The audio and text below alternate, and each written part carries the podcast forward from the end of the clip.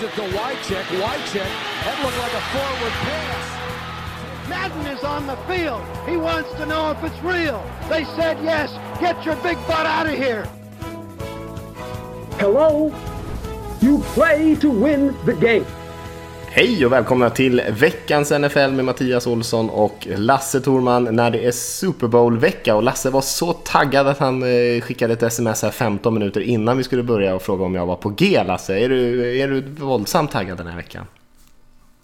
Uh, nej, det, det, var nog lite snarare tvärtom. Jag, eh, jag, jag lite, eller jag är lite kass så här för att jag, jag föll för reapriser på affären idag här köpte sån här, heter det pingvinstänger? Heter det så? Pingvin, eh, vad heter det? Sån här häxvrål, eh, kokos... Eh, ja, pingvinstänger. Du är inne på någon typ av godis här i alla fall.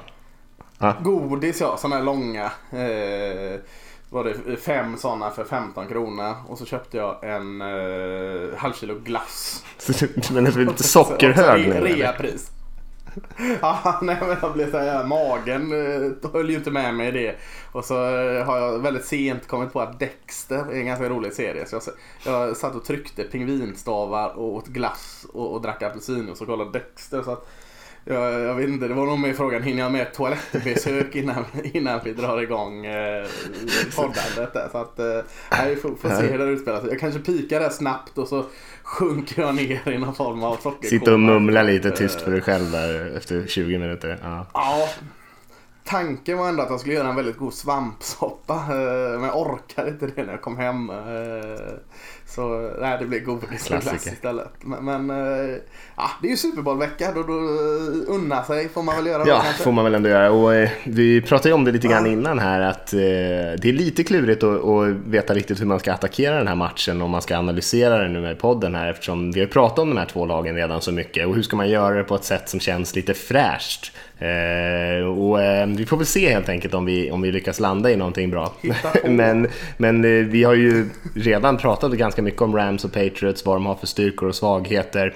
Eh, så vi ska ha en gäst idag bland annat förhoppningsvis som eh, kommer in med lite nya perspektiv och sen ska du och jag kika lite på de kanske stora Eh, perspektiven och lite grann på trupperna också sådär eftersom vi skrev en, eller jag skrev en artikel mm. till nflsupporter.se idag där jag gick igenom trupperna och satte lite 1-5 betyg sådär. Eh, inte så vetenskapligt men eh, bara så man får lite koll på vilka spelare som ska spela den här matchen. Så vi tänkte vi kunde kika lite grann på eh, trupperna i de olika lagen och vilka styrkor och svagheter vi ser där mellan de olika enheterna. Eh, så det är lite så. Ja, ju, ja eh, nu, nu blir det socker detta. Sockerivrig mm. blev jag. Gjorde du min, på tal om artiklar där, gjorde du mitt test som mm, jag slängde ihop där om du var Patriots-fan eller Rams? Ja, det är Rams där, 61 procent. Så det var inte så mycket men ändå på Rams-sidan. Oj, nej, nej. Nej, vad valde du där? Slicka grodor eller happy hour? Jag valde happy hour. Jag fattar inte riktigt slicka grodor men happy ja. hour är alltid nej. trevligt. Ja, men det är bra att du inte fattar den. Sjukt om någon hade fattat den annars.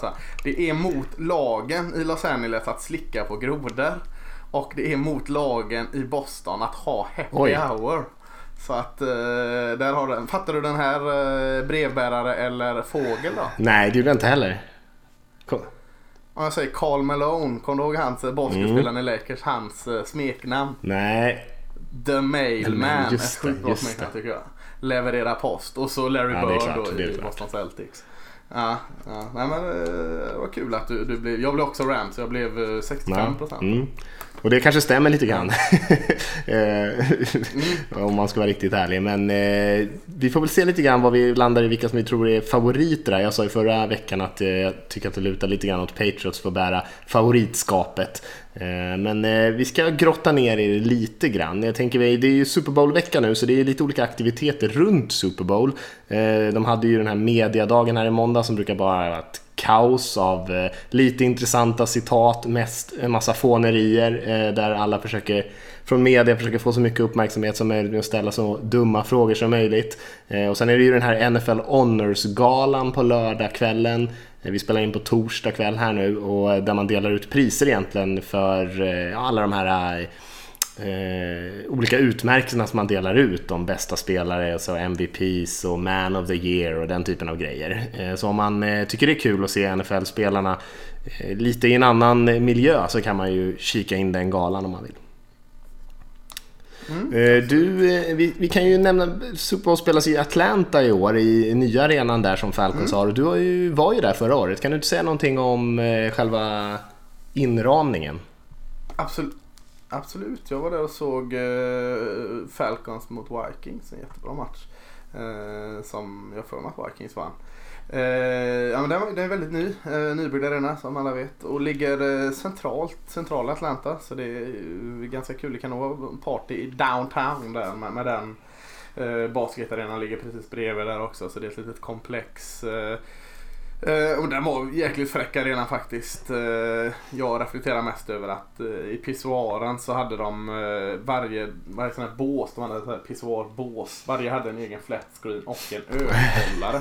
Så du kunde, du, du kunde gå och pissa, ställa ölen, hur eh, fräscht och, och eh, detta var att hålla på och laborera med öl i en hållare på en toalett vet jag inte. Men, men du kunde i alla fall ställa din öl där, stå och eh, inte missa en down medan du utförde dina behov där. Så det, var, det hade jag med mig därifrån och att man, eh, man fick gå runt väldigt länge och lite för de hade de har nog det är Per i redaktionen, va? Fogelin som har koll på ölindex på olika arenor eh, har jag för mig i, eh, NFL. Jag tror han är, han är up to date där och, och läste någonting att de skulle ha billigaste ölen i NFL där. Eh, Tredollarsöl tror jag det var. Men, man fick ju gå runt och leta och det var ett stånd som var den där tredollarsölen där liksom. Och där stod en jäkla massa kö. Så att man gick ju hellre till femdollarsöl och, och slapp kö liksom. Det var inte, inte det. Men, men eh, rent eh, inramningsmässigt tycker jag den var, den var fräck. De hade tänkt på det mer än vad man har gjort i Dallas liksom. Man kom nära, man kände trycket. Eh, och eh, Nej men, men en bra plats för Super Bowl och, och som sagt nära i stan och det kan nog bli väldigt festligt. mm. Jag vet att eh, Viasat har skickat dit Oskar Strauss som brukar kommentera för dem eh, och sitta i studion där. Som, eh, om man vill eh, få lite känsla av eh, ur ett svenskt perspektiv så kan man ju hänga med honom där på sociala medier. Jag vet att han lägger upp lite grejer från, från Atlanta under veckan. Ja, jag hoppas han livesänder från försvaren här, för det tycker jag det är en fin touch. Eh, Jag vet inte om eh, stora NFL-produktionen, de, de har missat det i Atlanta-matcherna. Vi har satt kan vara först ut med att liksom ha en breaking news från försvaren där. Så att, go for it Oscar. Nej, apropå pizzaris kommer jag att tänka på när vi hade vårt eh, event här i Göteborg så eh, där på Leris där så har de ju tv-skärmar och sånt inne på toaletterna och även eh, har de ju högtalare där inne så när eh, Jonathan Torell som är en av de som är mycket att diskutera med på NFL SC Twitter där eh, var på toaletten när, när jag tog micken och skulle hälla, hälsa alla välkomna där på början av kvällen. Då stod han inne på toaletten och eh, så började jag liksom säga hallå, hallå, hör ni mig? Så liksom, och han trodde att det var någon som stod och tittade på honom och, eh, innan han var inne på toaletten liksom, för att ljudet kom rätt in där inne. Så det, var, eh, eh, det var också en liten intressant grej. Eh, så inte bara positivt kanske att bara streama in ljud och allting där inne. Men Ja, det känns att det är Super Bowl-vecka. Vi har lagt eh, plus fem minuter på att prata eh, toaletter på offentliga platser. Vad vi, vad vi vallar in i den här festen på bästa möjliga sätt. faktiskt. Eller ska vi, vi ska vi kanske lite lätt glida över åt matchen då. Eh, Som sagt, eh, vi har ju pratat ganska mycket om det, men vi kan väl kika kanske lite grann på några av de stora rubrikerna och eh, en så här uppenbar grej som, som har lyfts hela den här veckan är väl egentligen eh, skillnaden i erfarenhet och rutin på ena sidan och kanske eh, ung entusiasm och up and coming på Rams-sidan då. Patriots har ett helt annat perspektiv såklart med en quarterback som fyller 42 i augusti. Man har en 67-årig coach medan man på Rams-sidan har en, en 33-årig coach och en 24-årig quarterback. Så bara det är ju en väldigt, väldigt skillnad de här två lagen emellan. Men jag vet att du har haft lite tankar där kring eh, Patriots och Rams, vad de eh, håller till lite grann i sin organisation och, och var, var framtiden ligger kanske. Mm, jag, jag kommer tänka på det, och snubbla in på det och, och det är väl inte banbrytande man kommer tänka på det. Men, men eh, Rams, eh, jag tror vi har pratat om det här med Kurt Warner, Greatest eh, Show on Turf kallas det va? Eh, slutet 90-tal, tidigt 2000-tal. Eh, dominerade man ju eh, och Patriots på sin sida var allt annat än bra in, innan Tom Brady kom in där och fick ta över för Bled, så var det va? Ja. Bra. Och, och de möttes ju där 2002 i, i Super, Bowl, eh, Super Bowl i eh, New Orleans. Eh, och eh, Patriots vann. Det var Tom Bradys första Super Bowl-vinst. Och, och Patriots eh, första på ett bra tag. De vann med 2017 där. Och, och efter det där så, så, har ju den här New England-dominansen hållit i sig. Alltså från 2002 fram till nu. Och, och, och, Rams efter 2002 fram till, så vad var det förra året egentligen? Har ju inte varit någonting alls att räkna med där. Så att undrar om liksom cykeln är sluten här nu och börjar om och säga att Rams här nu skulle gå och slå eh, Patriots. Med ett ungt lag som vi säger, ung entusiasm, ung tränare, ung QB. Eh, nu var ju inte Belichick ung 2002 heller, Tom Brady var ung då. Yngre i alla fall eh, såklart. Men, men eh, att liksom att eh, vi ser en, en, eh, en cykel som går om här, att det kanske är nedgång då för, för New England Patriots och, och, kanske vi ser en ny dominans av Rams här. lite spännande att tänka så. att ja, 2002, vad är det, 17 år sedan. Mm. Eh, 17 år har New England Patriots mer eller mindre prenumererat på att eh, spela Super Bowl och Rams har mer eller mindre eh, klurat, försökt klura ut vad fasiken det är som eh, är fel. Varför man inte är lika bra längre. Och, och nu är, möts båda här igen 2019 i, i Super Bowl. Eh, så vi får väl se. Eh, ganska kul aspekt. Ja, verkligen att de går så helt motsatta eh, egentligen eh, historier. Att de möts där i Super Bowl och så vänds det ja. liksom upp och ner på något sätt. För Rams har ju varit ett av de sämsta lagen i NFL sedan dess. Och Patriots var ju faktiskt ett av de mm. sämsta lagen i NFL innan det där. De var ganska bra med Bledsoe, men några år innan det där så var de ju eh, riktigt kassa.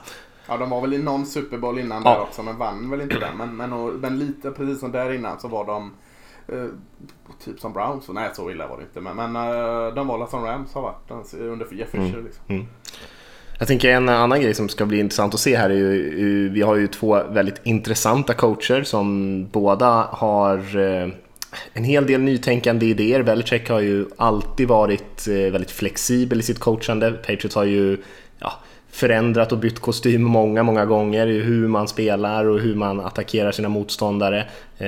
Och och eh, det ska bli intressant hur de tar sig an det här. För vi har ju sett att ett Patriots som har gått över egentligen till att spela ett mycket mer tungt springspel än man har gjort tidigare år. Och eh, eh ett Ram som har spelat sin bästa fotboll egentligen här på, på sluttampen av säsongen och i slutspelet medan Rams kanske började den här säsongen riktigt, riktigt hett eh, med väldigt offensiv, glad fotboll och sen så har spelat faktiskt lite sämre här på slutet på säsongen och särskilt kanske Jared Goff och passningsspelet som inte har klickat alls lika bra sen Cooper Cup skadade sig och man kunde inte riktigt göra exakt det man ville med att skicka ut tre bra receivers på planen utan man har lite, lite skakigt med bredden på receiverpositionen och sådär. Så det är lite intressant att se hur de tacklar varandra i den här för det kommer ju bli Egentligen skulle jag väl ändå vilja påstå att det är fyra bra linjeenheter. Eh, vi kan ju gå in på truppen lite grann sen men, men eh, det ska bli väldigt intressant att se vem som vinner den där striden på linjen både mellan de offensiva och defensiva linjerna. Det finns bra spelare på båda sidor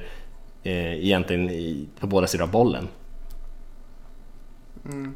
Men ska vi inte gå in på, på och kolla lite trupper? Du, du gjorde ju en jäkla detektivarbete där. Du la upp en, en uh, artikel om uh, varenda jäkla spelare i lagen här nu. Vi, vi kan väl gå in och syna, alltså liksom ge fördel åt ett lag eh, för varje lagdel och, och så får du formulera några meningar varför. Wide receiver, eh, du nämnde att eh, Rams haft en del skador, Cooper Cup och, och annat. Men vem, vem ger du fördelen på den här positionen?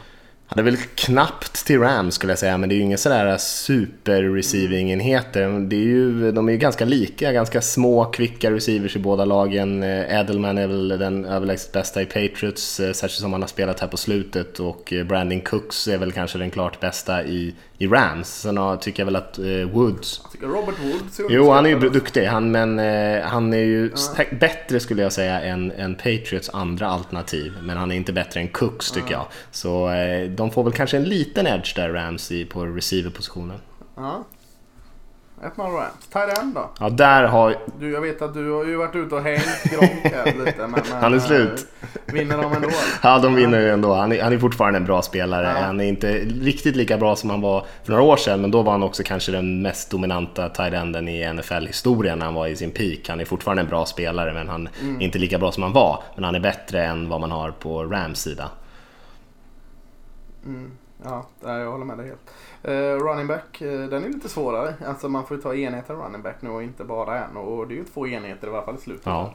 Det är väldigt, väldigt olika också eftersom uh, White och Michelle, Michelle som nästan har blivit som en powerback som är väldigt intressant med tanke på att många mm. kanske såg en Kamara-typ i honom och det har han inte riktigt varit utan James White är den som fångar passningarna i Patriots. Medan man i, Rams har ju Todd Gurley som gör egentligen allting och så har man fått in den här släggan i CJ Anderson. Eh, jag tycker det är väldigt jämnt och det är jättesvårt för mig att, att egentligen sära på dem. Man har också en väldigt bra fullback i Patriots. Det är ju en stor skillnad på de här två lagen att Patriots spelar ju faktiskt med en fullback, det gör ju inte Rams. Eh, och Devlin är ju väldigt bra. Eh, så jag har väldigt svårt, vad tycker du? Ja, men äh, jag håller med dig helt. Men du kanske får, får låta form äh, fälla avgörandet här. Och jag tycker formen, äh, det sista för New England Patriots, är nog lite vassare. Springspelet mot Saints var ju inte alls lika effektivt som det var veckan innan där. Eller mot Cowboys. Så att, nej, jag, jag ger en liten fördel till New England Patriots här faktiskt. Mm, mm. Jag kan köpa det. så vi sätter New England där. quarterback då? Där är det väl ganska gott. Ja, Brady får den ändå. Eh, Goff är ju duktig men eh, han har ju inte erfarenheten och inte riktigt hel, det hela paketet som Brady är, även fast han är, han är bra. Men, eh, men Brady i sådana här matcher är ju eh, svårslagen skulle jag säga. Mm. Offensiva linjen, den här tycker jag är svår. Riktigt svår. Uh, jag tycker det är två riktigt fina offensiva linjer. Två fina enheter. Uh, jag, jag kan liksom inte uh, faktiskt. Det känns så fel att ta ut några förlorare i den här kampen. För det, uh, det är två offensiva linjer som är så lätt att tycka om också. Liksom för att de spelar uh, väldigt tight som grupper båda två. det är ju lätt liksom att lyfta fram Whitwood i, nu står det still, heter han va? Left tackle i... Ja, Whitworth ja. Ja, Whitworth, tack det är lätt att lyfta fram honom till exempel så men, men eh, då glömmer man andra också i den här linjen som har spelat fantastiskt bra. Så att, ja, jag tycker det är jättesvårt att eh, liksom eh, slänga ner ett avgörande. Så jag lutar nog trots att eh, New England Patriots offensiva linje har varit fantastiskt år så lutar det nog ändå mot att jag tycker Ramsey är strået vassare. Alltså. Jag kan nog hålla med dig där. Jag har ju satt lite stjärnor på alla spelarna och jag räknade stjärnorna på den offensiva linjen och insåg att jag hade satt exakt lika många stjärnor på de två olika offensiva linjerna. Jag hade det, två ja. guards som hade fått eh, full pott där och det var Shaq Mason i, i Patriots och Roger Saffold i, i, Rams som är liksom, båda är ju väldigt eh, lika mm. spelare, framförallt duktiga i springspelet, mm. väldigt, väldigt fysiska spelare. Och sen annars har man ju bra spelare egentligen på alla positioner. De positioner som man kanske trodde skulle vara lite svaga inför säsongen eller som har sett lite osäkra ut de senaste åren har man ju säkrat upp tycker jag med både Tooney och Cannon i, Patriots och Blythe som har varit en väldigt positiv överraskning för Rams. Mm. Ehm, så det är svårt att hitta några riktiga svagheter, men jag håller med att Rams kanske är snäppet vassare än Patriots, bara så spelare för spelare. Ehm, men sen kanske Patriots coachingstab är snäppet bättre på att eh, få, få sin offensiva linje att mm. Eh, spela sitt allra bästa. Men de är väldigt, väldigt jämna. Så känns det absolut. Bra summerat. Uh, D-line tycker jag det är väl inget snack om det. Uh, trots att uh, Patriots har gjort det bra så är, är Los Angeles Rams på en annan nivå tycker jag. Så att uh, ringa in Rams, då är inget att protestera mot det va? Nej, de spelar ju lite olika spelsystem. Då, I Patriots så, så litar man ju väldigt mycket till uh, sin scheme där man uh, försöker uh, gömma var, var pressen ska komma ifrån, blitza ganska mycket med, med olika typer av spelare. Och i, i, eh, i, Rams kanske man spelar lite mer en mot en sådär och, och litar på att de duktiga spelarna man har ska göra sitt. Men med Aaron Donald och, och Suda i mittlåset i Rams så, så måste de ändå få den. Mm. Linebacker tycker jag är ingen styrka i någon av lagen Nej. direkt eh, om jag ska vara ärlig. Eh, men kanske allra svagast, eller det vet jag inte om den är heller. Det kanske är på grund av att Rams defensiva linje gör så mycket jobb att man liksom inte riktigt får känna på eh, Rams linebackergrupp. Men jag tycker den, den känns väldigt svag i alla fall. Sen om den faktiskt är det eller inte används ju lite olika den här linebackergruppen också. Så, så ger jag eh, fördel eh, Patriots här faktiskt. Jag tycker Kyle Fanoi är en underskattad spelare och har verkligen spelat bra i slutet. Så, så eh, två, alltså jag skulle nästan säga att det är de svagaste enheterna i de här eh, lagen och, och då vinner eh, vinner New England Patriots. eh, Att de är snäppet starkare i alla fall tycker jag. Jag håller med dig, man har lite mer bredd också. Och sen eh, Kyle van Noy som du säger, jag satt och kollade lite grann inför den här artikeln, satt och kollade lite grann på snap counts, hur mycket de olika spelarna hade spelat och sådär den här säsongen och blev väldigt chockad att, att se att Kyle van Noy faktiskt har spelat väldigt, väldigt många procent av Patriots snaps. En av de spelarna i hela Patriots som spelar absolut mest. Eh, Och det är ju för att han är så atletisk, det pratade vi om det inför draften där, en väldigt mångsidig spelare som både var en pass rusher i college och nu kan till och med läcka ut och täcka lite spelare i passmottagning och sådär. Så att han är en spelare som man kan göra väldigt mycket med och det gör att han nästan aldrig behöver kliva av plan. Mm. Visst var det Detroit som draftade han? Ja, Jag för mig det. Jag tyckte han gjorde ett riktigt bra, alltså ett riktigt bra val där. Men de fick ju aldrig ut det ur honom riktigt. Det är ju först när han kom till eh, Patriots egentligen i deras scheme där som han eh, blommade ut. Jag vet inte vad de gjorde med honom i Detroit där egentligen. Men, eh, han hamnar i en konstig roll där, för han, han hamnar i ett 4-3 försvar Ja, egentligen som är mer klassisk linebacker Ja. och det är lite konstig roll för honom för han är ju mer av den här outside Ja. linebacker-typen. Precis. Nej, så att, kul att han hittade rätt. För att han, han var väldigt spännande i college. Så kul att se det. Men vad sa vi där? Vi sätter New England Patriots Mm. där ja. Eh, då, då klumpar vi ihop safety och corners och kallar det DB, DBs eller secondary eller vad vi vill kalla det. Eh, på namn eh, vinner ju Rams men vinner de på pappret? Eller på namn. det är ju samma sak. På plan. Jag, Som jag tycker inte det. Jag tycker att Patriots är bättre i secondary. Eh, Marcus. Peters kom ju över som en så supervärvning och man tänkte oj, oj, oj vad mycket bra spelare. Sen har eh, Marcus Peters inte alls varit bra i år och eh, dessutom Akib Talib varit skadad stora delar av säsongen. Patriots skulle jag säga att det, de har ju en väldigt duktig spelare i Gilmore och sen McCordy-tvillingarna är ju båda två riktigt bra spelare. Eh, Man har egentligen inga svagheter och man har väldigt, väldigt många duktiga spelare. Man har bra unga corners också, säkert fyra stycken corners som är rätt bra i Patriots och minst tre bra safeties. Så man har en väldigt, väldigt bredd i Patriots secondary vilket hjälper dem, särskilt mot Rams tror jag som gärna vill sprida ut motståndarna, få dem i olika typer av paket, spelar mycket wide receivers på plan. Eh, då är Patriots en ganska bra matchup för det, för de har många duktiga spelare i sitt secondary. Mm. Special Teams. Har vi någon eh, skarp analys på det eller? Jag har det inte. Jag har faktiskt inte tänkt så mycket på det. Eh, förlåt, förlåt, förlåt. Eh, jag, skulle, jag skulle ge det till Rams ändå. Jag tycker, eh, vad heter han, Bones där, special teams-coachen i Rams, är ju en höjdare tycker jag. Framförallt på att hitta på roliga trickspel på fake-kickar och såna här grejer. Men sen han har ju också en lysande punter och en lysande kicker.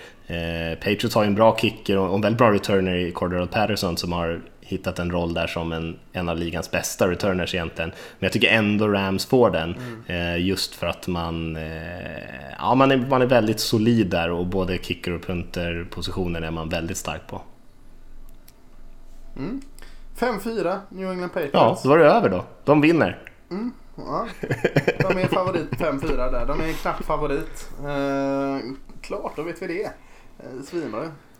Uh, nej men, men uh, det är intressant så vad, hur ändå de här lagdelarna ser ut. Jag, uh, ändå stark. Alltså de är ju jämnbra på ganska många sätt. Där. Alltså wide receiver knapp fördel.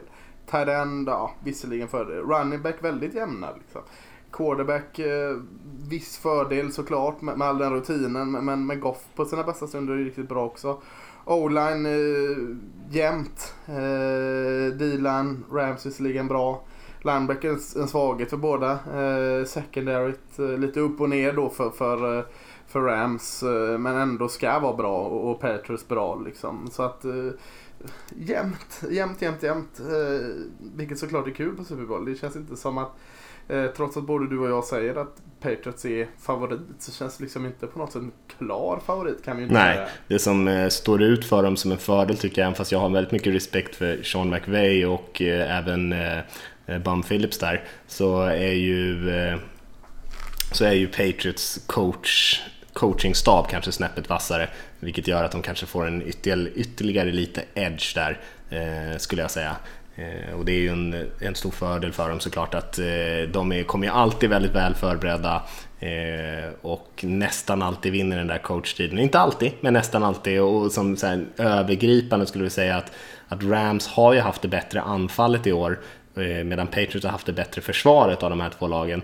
Men eh, ja, med Brady, man vet hur mycket poäng han kan sätta upp om det krävs och det där anfallet och eh, det är därför har man ändå lite mer förtroende för dem, för även fast man har duktiga spelare i Rams försvar så har ju den som en enhet inte varit särskilt bra i år. Nej, känns som man har sagt det förut, men press på Brady Ja. är nyckeln. Press upp i mitten på Tom Brady måste man göra liksom. Eh, det var det Broncos lyckades besegra dem med för några år sedan. Seahawks vann en Super Bowl med det konceptet. Aaron Donald har, har ju ingen säck varken mot Dallas eller New Orleans. Har ju varit skitbra mot, mot springspelet såklart men eh, Måste Aaron Donald vara bra för att Rams ska vinna matchen? Ja, kanske inte. Men har han en sån här kanonmatch Aaron Donald så eh, kan det mycket väl fälla avgörandet ändå för att få den här pressen upp i mitt. Ja, jag håller med dig. Det, de har ju spelarna för, för det här receptet. Eh, Sen är man såklart medveten om det i Patriots också, att de är ganska starka där. Så någon, man kommer ju inte... Man kommer i alla fall inte göra det lätt för dem att vinna matchen på det sättet. Man, är, man vet ju att Aaron Donald är där och man vet hur bra han är. Eh, ja, utan att överdriva skulle jag säga att han är den bästa spelaren i NFL. Om man jämför med kollegorna på samma position så är han den mest överlägsna spelaren på någon position skulle jag säga. Eh, men det vet ju såklart Bill Belichick och Patriots om. Så eh, frågan är hur mycket de kommer låta honom påverka matchen. Det är väl det. Så det är många andra som måste steppa upp tror jag. För jag tror att Aaron Donald, även fast han kan slå eh, Även fast de sätter två spelare på honom han kan vinna ändå så tror jag att det, det är väldigt viktigt att många av de andra Eh, spelar väldigt bra. Och sen också en spelare som man kanske eh, nämnde honom i den här artikeln lite grann också som en väldigt viktig spelare är ju Nickel Roby Coleman som var den eh, Rams-cornern som eh, kanske skulle ha dragit på sig den avgörande flaggan mot Saints där. Eh, blir ju också en väldigt viktig spelare som en, en slott cornerback, vilket han är väldigt bra på. Men eh, med, mot Patriots små kvicka receivers, framförallt Edelman, även Hogan från slott är ju också en väldigt bra spelare där. Eh, så kommer han spela en nyckelroll och en sån där person som man kanske inte nämner så ofta, men eh, som kommer få spela mycket i den här matchen tror jag och ha en viktig roll. Mm. Ja, jag håller med. Har du något mer som vi vill säga? Har du någon, eh, någon mer slutkläm på det här med, med trupperna och så? Det borde jag kanske ha. Men jag tycker ändå att vi har krämat ut så mycket om de här lagen eh, fram till Super Bowl här så att äh, utan att repetera med allt för mycket och, och eh, lura in mig i någon form av liksom eh, ja, bara enbart repetition så, så, har jag väl egentligen inte så mycket att lägga till om. Jag tror det kommer bli väldigt jämnt. Jag tror det kommer hamna på 30-30, alltså upp och ner lite i poäng. Eh, alltså 30-27 35, 30, fast alltså, någonstans där kommer det hamna. Eh, nyckeln för Ramsey att hålla. Eh, Patriots så under 30 helt enkelt. Liksom. Det, det, tror jag är det magiska talet. Kan man hålla Patriots under 30 poäng så, så har man en god chans. Har man inte dem under 30 så känns ändå New Englands försvar så pass bra så att de kommer greja det ändå. Så 30, det magiska talet. Ja, jag tror att eh om det är något lag som vinner eh, hyfsat bekvämt så är det nog Patriots tror jag. Om, om Rams ska vinna det här då kommer det nog bli en riktig slugfest. Och vi har ju sett många av de Patriots Super Bowls som har blivit väldigt jämna. Eh, förra året torskar de, eh, men de vann ju mot Falcons och eh, de har spelat väldigt, de vann mot Seahawks i också en extremt jämn Super Bowl för några år sedan. Eh, har ju spelat väldigt många av de här matcherna som har blivit väldigt, väldigt jämna. Eh, och vi hoppas väl på att det ska bli en så rolig match. Sen får vi se vilka som vinner. Det är kanske inte det viktigaste för mig som inte håller på något av de här två lagen utan mer att vi får se en riktigt rolig Super Bowl.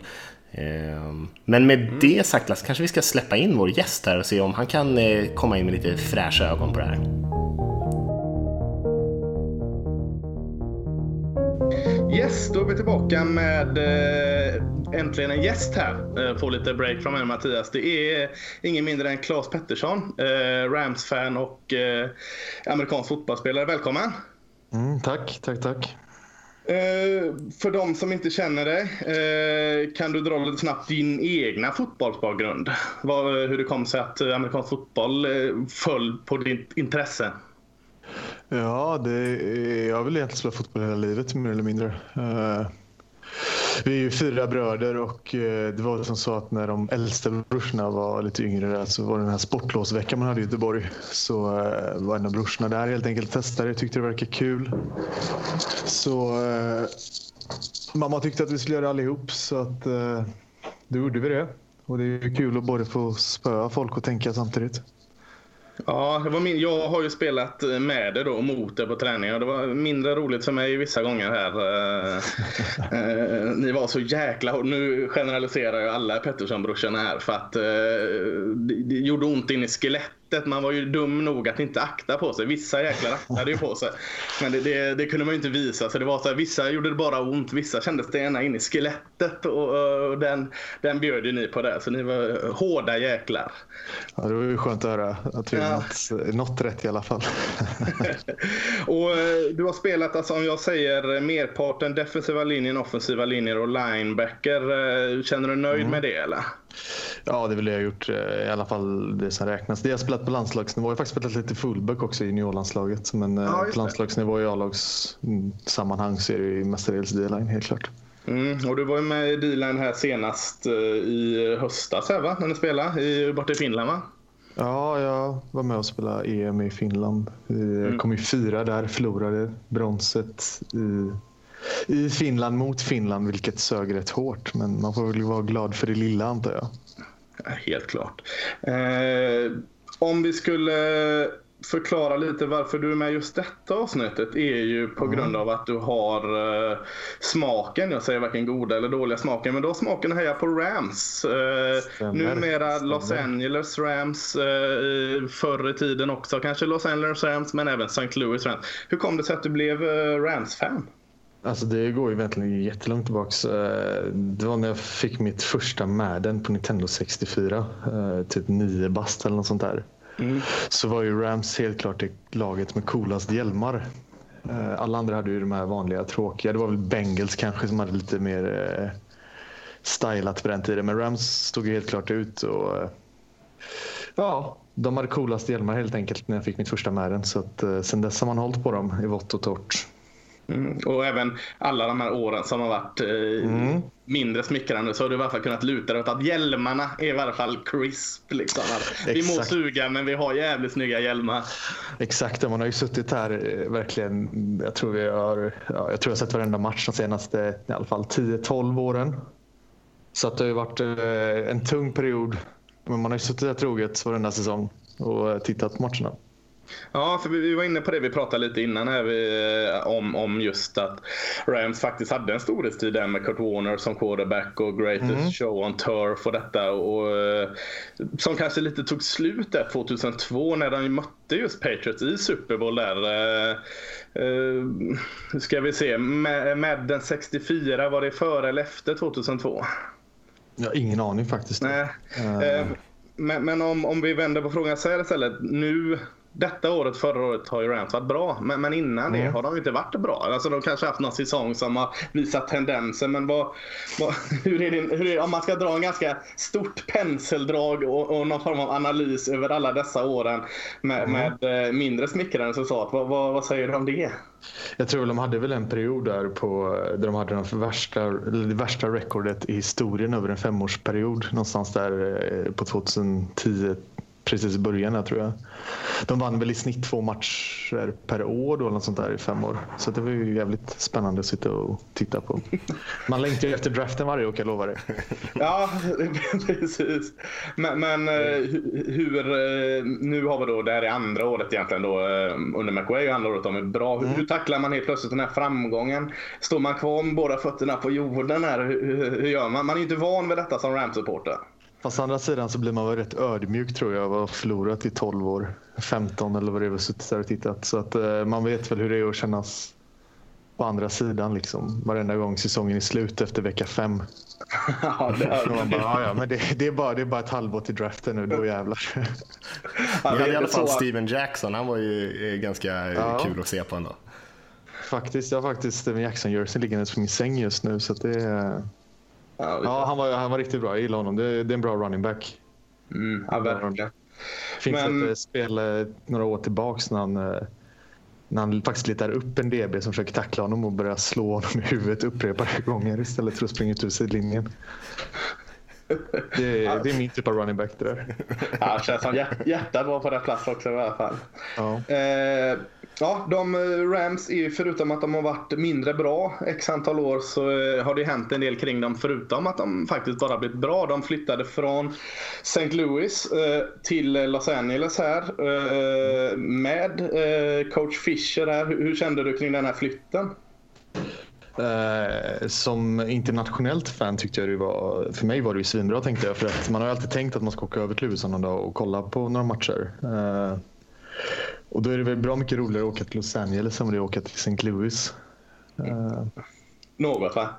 Ja, lite så. Uh. Sen så uh, har jag en annan historia om det där det inte blev så nu i somras ändå. Men, uh, ja, jo, men det, det kändes för mig som internationellt fan som sagt så kändes det som, en, det kändes som ett upplyft.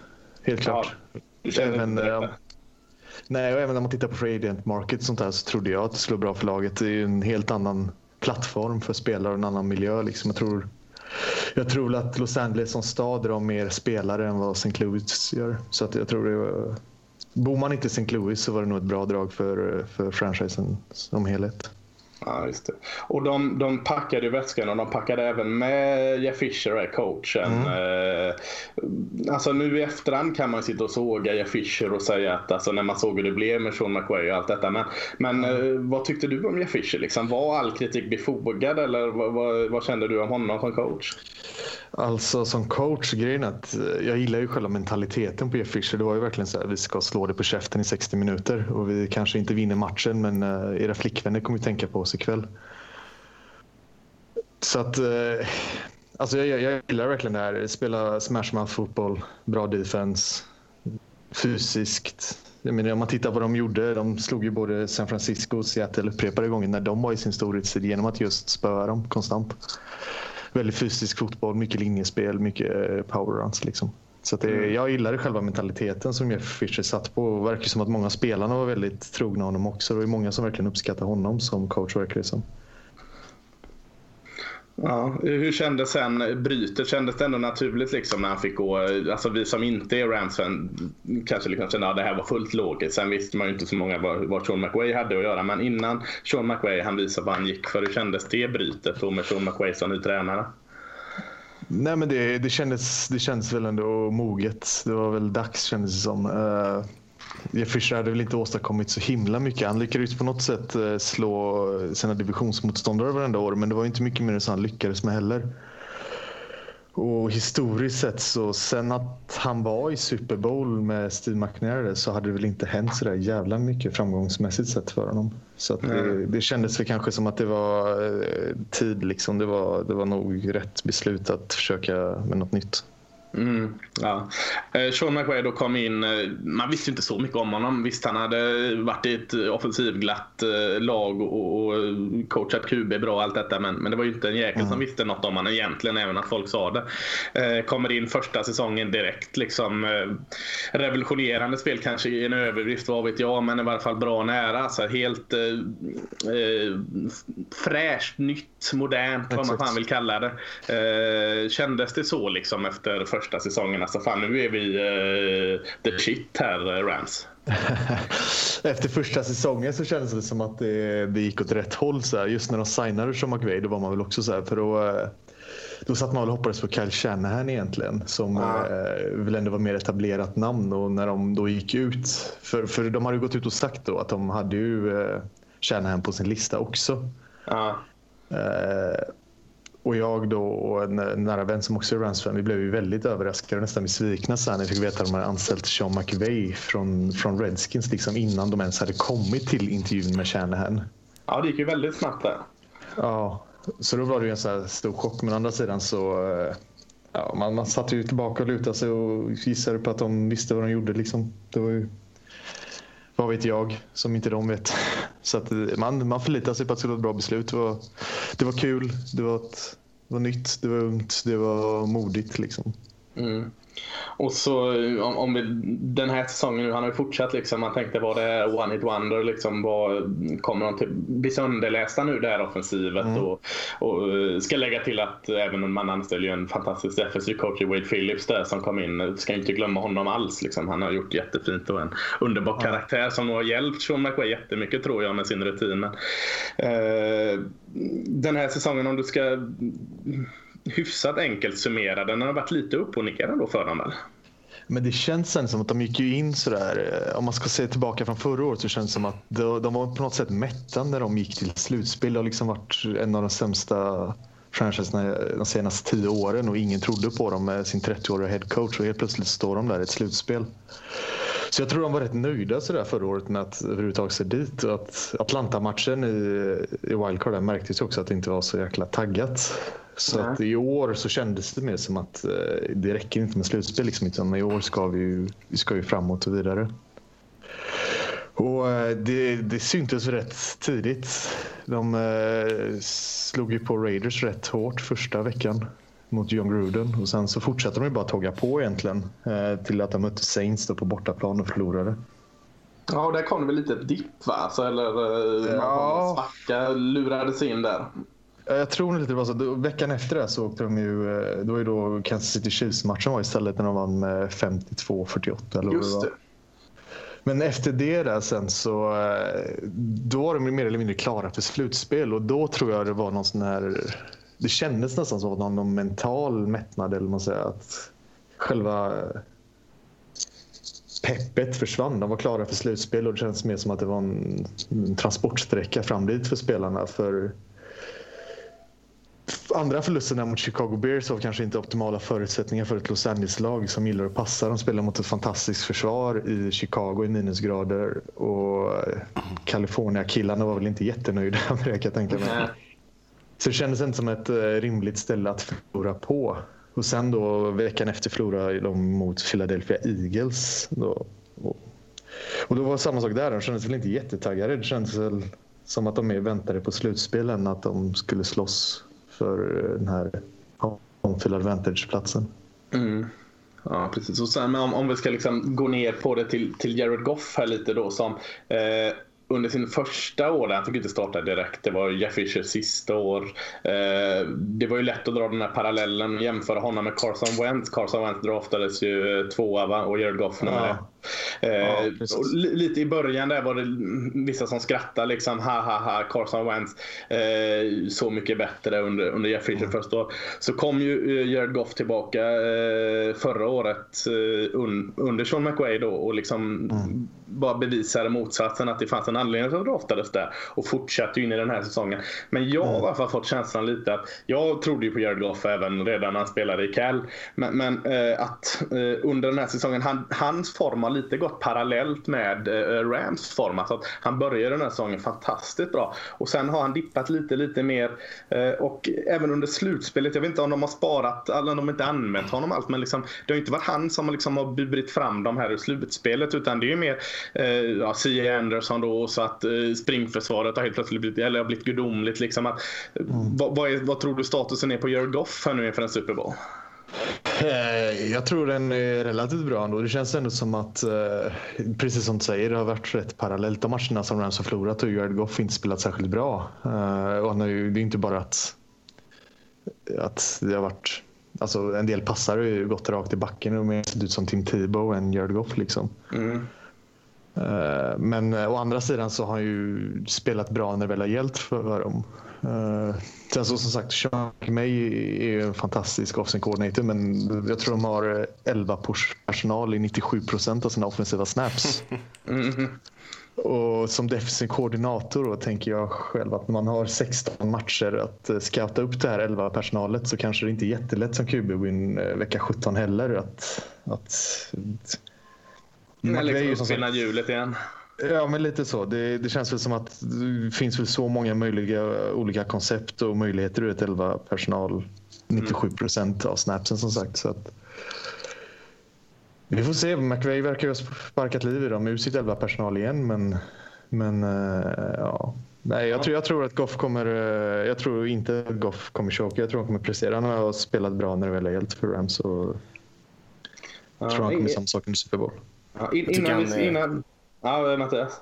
Nej, jag tyckte bara, jag tycker att Goff gjorde en väldigt bra match mot Saints till exempel. Jag var förvånad att de kunde vinna där Rams. Jag, jag sa ju innan i matchen att jag tror att det är jäkligt viktigt att de får igång sitt springspel för att de, ja, de spelar så mycket play action och allt det där. Att, det, att utan springspelet så, så är de inte riktigt samma lag och det hackade ju lite mot Saints men ändå, även fast man inte lyckades springa bollen Todd Gurley var ju knappt med i matchen och, och, inte Anderson heller var ju särskilt effektiv så ändå lyckades man vinna den matchen och Goff tycker jag, som du säger, levererar när det verkligen behövdes som mest. Så är du lite orolig för, för nu möter de ett till bra försvar, de lagen de har förlorat mot är ju ändå lag som har ganska bra defensiva linjer, svåra att springa på. Patriots är rätt tuffa att springa på ändå. Är du lite orolig för att man kanske inte får igång springspel i den här matchen heller eller tror du att man kommer hitta på lite nya koncept som funkar lite bättre? Uh, jag tror nog framförallt att Gurley kommer vara väldigt, väldigt taggad på revansch. Uh, han uh, underpresterar ju fruktansvärt mot Saints. Han uh, tappar ju första, vid första turnover där så tappar han en pass på fem yards rätt i händerna på, på linebacken i Saints. gav dem bra field position redan första, eller om det var andra driven. Och allt snack som har kommit då efteråt att det inte alls är, det handlar inte om hans eh, slitna knä längre utan det är bara att han har tappat det liksom. Att, att C.J. Anderson får spela för att han är bättre nu. Så jag, jag tror att eh, Todd Gurley om inte annat kommer vara fruktansvärt revanschsugen. Mm. Eh, men, men om, om eh, du får dra en analys om vad, vad du tror, vad kommer vi få se för match? Vad kommer vi få se? Hur ska Rams vinna det här mot Patriots? Liksom, om, om eh, en, någon form av analys. Är det Gurley som ska göra det eller vad, vad, vad, vad kommer vi få se? Jag vet inte. Jag, jag, tror att det kommer handla om det lag som vill vinna mest. Kanske simpelt och klyschigt, men vi har två fantastiska coachingstaffs. Bill Belichick, ett geni liksom. Det finns ju inte det finns ju få som liksom coachar ut Bill Belichick. Sen så kollar man på andra sidan då så har man Sean, Sean McVay som är fantastisk offensiv koordinator och då Wade Phillips med sin erfarenhet. Mm. Så jag tror, jag, tror inte, jag tror de har fått två veckor. De har en hel säsong på sig att kolla på scoutmaterial. Jag tror väl att de kommer ta ut varandra rätt hårt faktiskt. Och att det kommer nog som vanligt handla om turnovers, field position och, och de som vill vinna mest när det väl gäller. Mm. Jag tror, Ja. Ja, låga poäng i matchen. Jag tror inte det blir över 25 poäng på något av lagen faktiskt. Ja, du tror inte det? Jag har sagt, håller Rams eh, Patriots under 30 så tror jag de vinner. Eh, det, det, jag tror 30 är nyckeltalet som sagt. Men, men om, om, nu har vi pratat bra om Rams här. Liksom. Om, om, vi skulle, om du skulle få ta fram något liksom som oroade kanske, något som inte har sett så bra ut till och från under säsongen. Något liksom som att ah, det här är jag lite orolig för ändå. Liksom. Har du något så konkret där? Uh, det är väl som sagt Goff kanske i sådana fall att han, han har som sagt dragit en del bollar som är helt av, inte alls ser ut som den Goff han så ofta annars är. Och en annan sak som jag inte varit jättenöjd med det är faktiskt all cred till Wade Phillips och allt han har gjort och karaktären är. Men om man ser till materialet som Rams besitter med Donald, Sue, Rockers, Dante Fowler, Akib Talib, Marcus Peters, Joyner och John Johnson som har varit fantastiska den här säsongen så har de ändå inte lyckats spela särskilt bra defense. De har inte många turnovers med sig och de saxen som, som har kommit från Rams det är när Donald har slagit ett dubbel eller trippelteam och helt enkelt bara förstört. Ja, nej, men det känns lite så. Alltså, det kändes som försvaret presterade betydligt mer förra året än vad de har gjort i år. Och... Ja, faktiskt. Och nu har ju visserligen, eh, visserligen Sue här i slutspelet eh, i, gjort skäl för sina pengar. Alltså han och, och, Donald har varit en köttmur i mitten mot all form av springspel. Det har ja. inte gått liksom.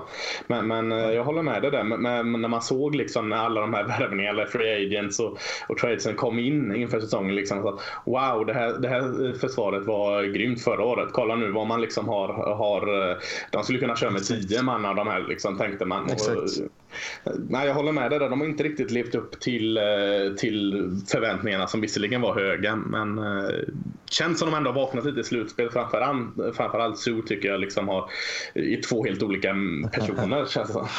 Ja, men det är ju slutspel Sue. Han, är ju ja. ett han har ju bara ett ettårskontrakt med Rams så att, uh, det är väl nästa Fradiant Market han spelar upp nu. Ja, och nu gör det ju inget att han blir avstängd här på söndag heller. Det är ju ett helt år till den börjar gälla ändå. Så. Ja, exakt. Ja, Mattias, har du något att flika in på uh, här om, uh, om Rams och, och detta? Nej, egentligen inte, men den, liksom den klassiska frågan till Claes är väl egentligen eh, om han tror att hans Rams klarar av det här. Ja, det är klart jag tror.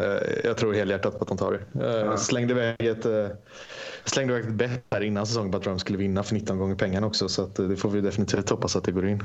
Snyggt. Hur, hur många år i rad har du lagt det bettet? Det, det, I Super Bowl just har jag faktiskt inte lagt så många.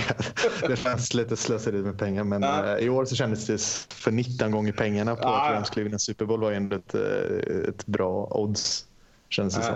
Ja, det var jäkligt bra. Det var spännande att se vart det låg i för 6-7 år sedan eller något sådant. Ja, då var det väl 102 gånger pengarna eller maxoddset. Ja. Nej, men, eh, tack så jättemycket för att du var med Claes eh, och, och gav oss lite eh, gottig feedback kring Rams. Eh, eh, hur känns det nu? Jag vet ju att du eh, precis som jag är en, en sucker för draften här. Hur känns det nu? Är det lite bittert ändå att Rams är så bra att man får plocka så långt ner här helt plötsligt nu? Nej, för en gång skulle känns det, det, det är nästan tvärtom. Det blir lite mer förväntan sådär över det. Innan så visste man väl mer eller mindre vilka vart de var på väg. Liksom. De pickade topp fem hela tiden och då visste man väl mer eller mindre vem det var som stod på tur. Liksom. Men eh, när de har 32 picket då som de kommer ha i år Ja. så, eh, så blir det ju spännande. Man vet liksom inte vad som har fallit och vad som har börjat klättra i slutet och vilka trade-up möjligheter de sitter inne på. Och sådär. Så då, då händer det ju mer. Det, är liksom, det blir en tre, fyra timmars rolig kväll istället för fem minuter. Ja, har du börjat tjuvkolla lite, börjat skissa lite på vilka du hoppas som ska ta den nere? Alltså jag gör ju alltid så att jag, jag försöker ju ignorera college helt under NFL-säsongen för att då har man ju att ta ikapp en hel college-säsong sen på off-season. Ja, jag vet att du kör den. Det är imponerande. Det, är- det är faktiskt riktigt kul. Då kan man sitta och kolla alla college-matcher nu. Ja. Men vad känner du? Vad ska du börja kolla efter nu när du börjar kolla college-matcherna? Är det linebacker-positionen eller är det en ersättare på left tackle när han börjar bli ännu mer gammal här? Eller vad, vad, vad ska du börja kika på? Vad tror du? Vad tror du de ska ta? Ersättaren tror jag redan finns på rosten. Josef Noteboom tog de ju i tredje Just redan det. förra året. Mm. Och, eh, han har ju fått spela lite här och var och ser faktiskt väldigt bra ut. eh, Det han har fått göra. Så jag tror att de redan sitter inne på ersättaren där. Samma sak med center där. Efter John Sullivan så de ju Brian Allen i fjärde rundan från Michigan. Mm. Men eh, ja, det är väl edge, edge rush. Uh, Dante Fowler i free agent. Eh, de har inte haft mycket på kanten där. Nej. Uh, cornerbacks i samma sak. Akib Talib och Peters i free agent efter nästa år. Ja. Så att det blir väl eh, förmodligen uh, passförsvarare. Antingen en edge rusher eller cornerback. Skulle jag gissa på. Mm, ja, spännande. Ja, nej men eh, Rams vinner här. Eh, Mattias, vilka vinner? Ja, bra fråga. Hoppas på att Rams vinner. Eh, Men Ja. eh, mm, jag tror nog ändå att Patriots kanske blir lite för tuffa. Men eh, jag ska sitta och hoja, heja på Rams i alla fall. Det ska jag. Ja, det gör Men det är ju- Ja. Det är ju lite ödet det där faktiskt. Jag menar, Dynasty Patriots startade ju faktiskt med Super Bowl-vinst nu Rams 2001. Precis. Och nu eh, får Rams möjligheten att plocka ner den där Dynastyn 2019 istället. När Brady är 41 år gammal. Det är ju därför alla, det är därför Rams har aldrig haft sån här medvind. Jag menar förutom eh, Patriots-fansen så är det ju inte en, en vettig själ som sitter och hejar på Patriots på Super Bowl. Alla är ju så jäkla trötta på detta nu så att eh, jag vet inte, Rams har aldrig haft så mycket fans som den här matchen. Nej, om man inte bor i New Orleans då, då hejar man nog på Patriots. Ja, just det. Ja, ja. Väldigt sant. Ja, nej men eh, Claes, stort tack för att du var med eh, och eh, stort lycka till. Ja, då är vi tillbaka igen här. Vi tackar Claes för eh, bra inspel ändå. Jäkligt bra koll på Rams får man ändå säga och NFL i allmänhet. Så att, eh, riktig eh, nernördning i Rams där. Ja, verkligen. Eh, fantastiskt så när man eh, eh, kan få in någon som kanske... Jag menar, vi, vi försöker hålla brett koll på, 30, på alla de här lagen och det är jäkligt skönt att få in någon som verkligen andas ett lag. Liksom. Som man säger, han har följt dem i plus 10 år. Liksom. Ja, det är jättekul. Mm, jag håller med. Eh, vi kanske ska runda av lite grann här, alltså, i alla fall s- säga några grejer om vad vi tänker oss om matchen och vad, det, vad som står på spel och sådär. Eh, jag kan dra några så här korta grejer i alla fall. Eh, för Patriots som vi vet, de har ju varit i Super Bowl förut, minst sagt. Och om, om de vinner den här Super Bowlen här nu, då eh, går de upp i delad ledning med Steelers för eh, mest eh, Super Bowl-titlar i NFL-historien. De kan ju ta sin sjätte här nu. Ehm, och eh, Belichick, om han vinner den så går han upp i delad ledning med eh, George Halas och Curly Lambeau är de enda två coacherna som har vunnit sex NFL Championships. Det är ju innan Super Bowl-eran också. Mm. Eh, och om eh, Tom Brady vinner, och det gör han ju såklart om, om Patriots vinner, så är han den enda spelaren i NFL-historien som har vunnit sex Super Bowls. Han är ju delad med, med Charles Haley nu, defensiva linjespelaren som har vunnit fem. Eh, Men om Rams vinner å andra sidan, det blir bara deras andra Super Bowl i så fall som de skulle vinna. Och eh, Sean McVay, coachen, där blir den yngsta headcoachen att någonsin vinna Super Bowl. Mike Tomlin vann ju den när han var 36 med Steelers. Eh, McVay är ju bara 33. Och eh, ja, så var det lite mindre intressant kan man väl också säga. Jared Goff då blir den eh, första quarterbacken som valdes nummer ett i draften och eh, lyckades vinna Super Bowl inom de första tre säsongerna i sin karriär. Vanligtvis hamnar man ju i ett ganska dåligt lag, men så precis som vi pratade med Klas där om så gick ju vändningen väldigt fort när Sean McVay kom in där och tog över. Ja. ja, men det är intressanta fakta. Hur är det där med om, du sa na naturligtvis vinner Tom Brady Super Bowl om eh, New England Patriots vinner Super Bowl. Ponera ännu att Tom Brady skulle eh, bryta handen första snappen här och eh, backup-kuben går in. Tilldelas han fortfarande Super Bowl-vinsten då? Eller det, det gör han ju. Han, han får, ja. Alltså, han vinner ju säkert den bara för att han är med i truppen, men särskilt om han Ja, startar klart. och tar första snappen, då, är han ju, då har han ju till och med startat i, i Super Bowlen där. Men, eh, Ja, ja, men kör en Ja, Tonya Harding här då. Skickar ut och så drar någon eh, knäskåla med ett järnrör här nu på eh, hotellet på lördag natt. Och då får han fortfarande den alltså. ja, okej, frågan om han hinner hamna på IR innan dess, för då får man väl inte egentligen någon... Jävligt elakt att sätta han på IR då. liksom. ja, lite taskigt kanske. Belichick är assnabb där liksom. Ja, ta, precis. ta all ära själv. Plockar in Tim Tebow över natt, startar, vinner. Får man aldrig höra slutet på det. Ja, eh, lite praktisk fakta. När börjar matchen? Börjar den eh, 24.00 eller? Ja, sändningen, det brukar ju, svenska sändningar och sånt där brukar ju börja då omkring, men nu kör de väl tidigare. Men nu är det väl eh, 00.30 tror jag matchen kickar igång. Så är det kanske. ja. Eh, sjukt bra eh, nationalsångartist i år. Eh, det är ju Gladys Knight, Atlanta-drottningen, här, soul-drottningen. Eh, frågan om hon med sig The Pips, eh, en av mina absoluta favoritlåtar eh, all time. Den är nog med på min topp 5-lista. Eh, Midnight Train to Georgia. Jag tycker den är så fantastiskt bra. Så att, eh, tar ni inte med någonting av mina fotbollsanalyser här eh, från detta avsnitt. Ta med er att eh, eh, ploppa på Midnight Train to Georgia med Gladys Knight eh, and the Pips eh, för att få lite god feeling inför nationalsången. Den är så fruktansvärt bra alltså, så att eh, ja, eh, jag vet inte vad. Jag kommer sätta på den så fort vi är klara med inspelningen här i alla fall. Halvtidsshowen, Maroon 5.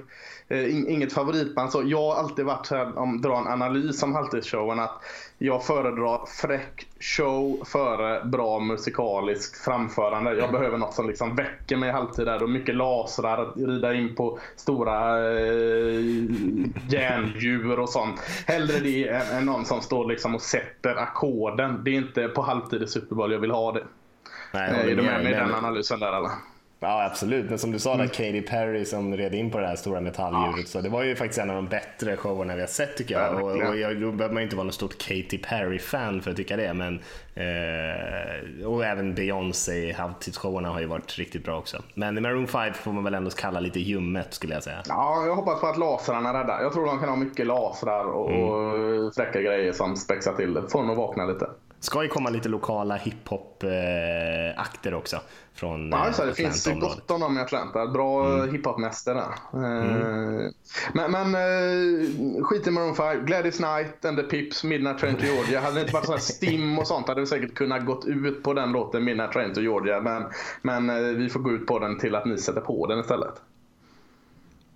Så får det bli. Vad, eh, vilka tror du vinner förresten? Har du sagt det? Jag, jag har säkert sagt båda här liksom. Jag vill, jag vill göra alla till lags. jag vill göra vår gäst till lags och säga det. Uh, inget ont mot Patriots. eh, men men uh, det hade varit konstigt om jag inte hoppats på att Rams skulle vinna denna uh, omväxling för nöje. Så jag hoppas innerligt på att Rams vinner. Jag tror det kan bli tufft. Jag tror eh, det här gamla slitna klyschan gammal är elds. Det ligger någonting bakom den. Eh, jag säger 27-23 till, till eh, Patriots. är lite inne på ditt spår också. Hjärnan säger att, att Patriots är för tuffa och har kanske den bättre formen, men eh, skulle vara kul att se Rams och det här kanske lite yngre laget såklart kliva in på den här arenan där Patriots har varit så länge.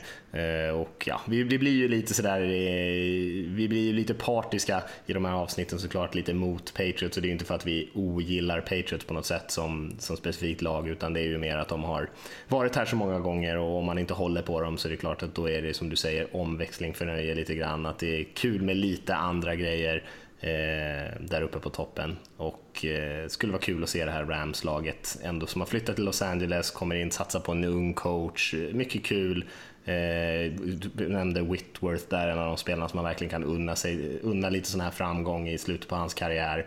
Eh, känns som att det skulle vara den moraliska vinnaren, men det var väl lite så förra året också kanske när Patriots spelade och jag förstår det är kanske inte så jättekul att lyssna på när man är Patriots-fan att Eh, att ingen egentligen vill att de ska vinna, men eh, det är lite det är tufft att vara bäst, så är det bara. Man får i alla fall nöja ja. sig med att man är bäst. Eh, och så kan man trösta sig med det kanske. ja, nej, men med det sagt så har vi väl inte så mycket mer input att liksom kräma ut oss. vi, vad gör vi? Vi önskar alla en, en riktigt jäkla trevlig helg. Med, där vi hoppas att det pikar eh, framåt eh, two minute warning i fjärde kvarten där mm, ni är klarvakna och det är 23-23 eller 20-23. Eh, ja, så vi önskar er en, en riktigt god Super Bowl-helg. Verkligen, och vi återkommer väl med någon typ av recap av det här och sen så, eh, så får vi se hur vi växlar om och börjar prata lite draft och sådana där grejer. Men, eh, men någon typ av sammanfattning av matchen kommer vi i alla fall göra nästa vecka. Men som absolut. du sa där Lasse, vi hoppas på en jämn och kul match i absolut första hand i alla fall oavsett vem som vinner. Så får ni ha en bra Super Bowl-helg allihopa så hörs vi igen nästa vecka. Det gör vi. Ha det bra.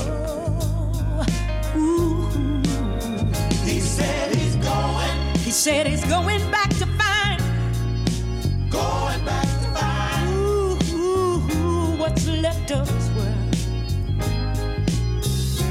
world he left behind. Not so long ago. He's leaving. Leaving. On that midnight train to Georgia. Mm. Yeah, said he's going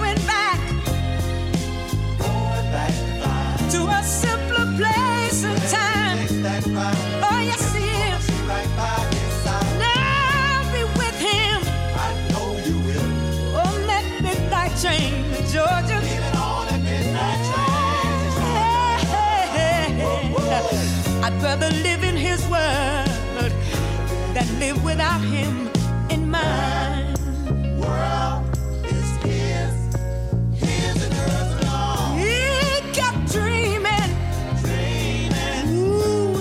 someday he'd be a star. A superstar, but he didn't get far.